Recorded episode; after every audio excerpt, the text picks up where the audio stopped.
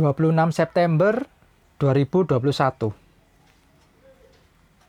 Lexio Divina Lukas 13 ayat 10 sampai 17 Pada suatu kali Yesus sedang mengajar dalam salah satu rumah ibadat pada hari Sabat. Di situ ada seorang perempuan yang telah 18 tahun dirasuk roh sehingga ia sakit sampai bungkuk punggungnya dan tidak dapat berdiri lagi dengan tegak. Ketika Yesus melihat perempuan itu, ia memanggil dia dan berkata kepadanya, "Hai ibu, penyakitmu telah sembuh." Lalu ia meletakkan tangannya atas perempuan itu, dan seketika itu juga berdirilah perempuan itu dan memuliakan Allah. Tetapi kepala rumah ibadat gusar karena Yesus menyembuhkan orang pada hari Sabat. Lalu ia berkata kepada orang banyak, "Ada enam hari untuk bekerja, karena ia karena itu datanglah pada salah satu hari itu untuk disembuhkan dan jangan pada hari Sabat." Tetapi Tuhan menjawab dia, katanya, Hai orang munafik, bukankah setiap orang di antaramu melepaskan lembunya atau keledainya pada hari Sabat dari kandangnya dan membawanya ke tempat minum? Bukankah perempuan ini yang sudah 18 tahun diikat oleh iblis harus dilepaskan dari ikatannya itu? Karena ia adalah keturunan Abraham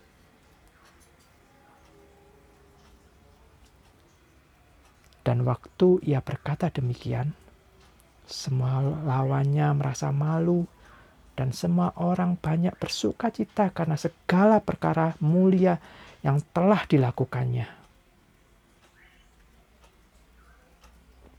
Mujizat Yesus menyembuhkan yang kerasukan perspektif. Ketika Yesus melihat perempuan itu, ia memanggil dia dan berkata kepadanya, "Hai ibu, penyakitmu telah sembuh."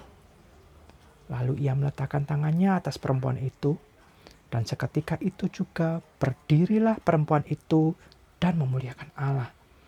Lukas 2, Lukas 13 ayat 12 sampai 13. Dalam bacaan ini Lukas mencatat Yesus sedang mengajar di salah satu rumah ibadat pada hari Sabat. Kemudian Tuhan Yesus melihat seorang perempuan yang telah 18 tahun dirasuk roh jahat.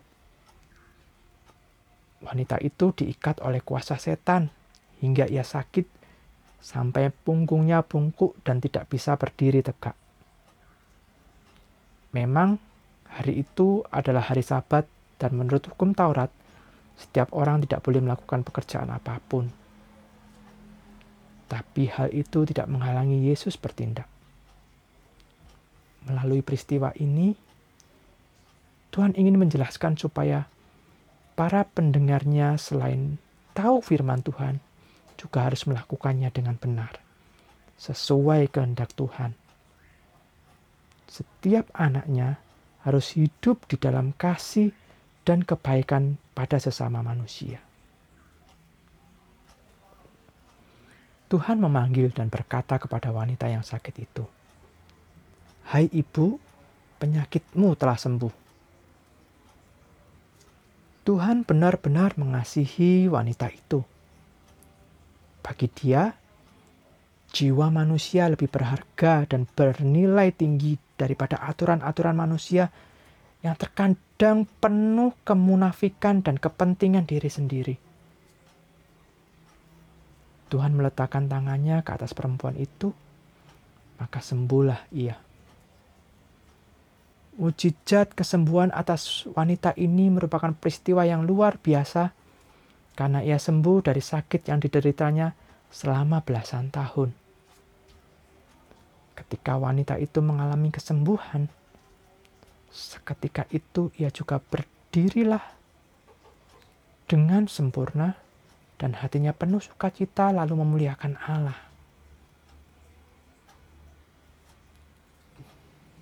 Tuhan sangat mengasihi kita.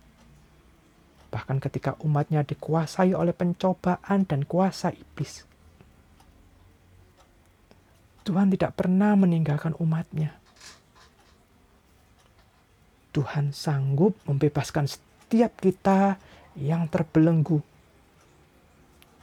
memulihkan yang menderita, menghibur yang berduka, membuang segala ketakutan, kekhawatiran, dan kegelisahan kita, serta menyertai dan menolong kita. Oleh sebab itu, ketika mengalami penderitaan, bahkan pencobaan iblis, kita perlu datang kepada Yesus. Fokus hidup kita bukanlah pada penderitaan, tetapi kepada Tuhan Yesus yang lebih besar dari masalah dan kesusahan hidup kita. Pandanglah selalu pada Yesus, lalu berdoalah, dan teruslah berseru serta jangan kita menyerah, karena Allah selalu mendengar setiap seruan kita dan kuasanya akan menyelamatkan kita. Studi pribadi melalui peristiwa yang terjadi saat ini dan pergumulan hidup yang Anda alami, apakah Anda masih yakin bahwa Tuhan pasti sanggup menolong kita?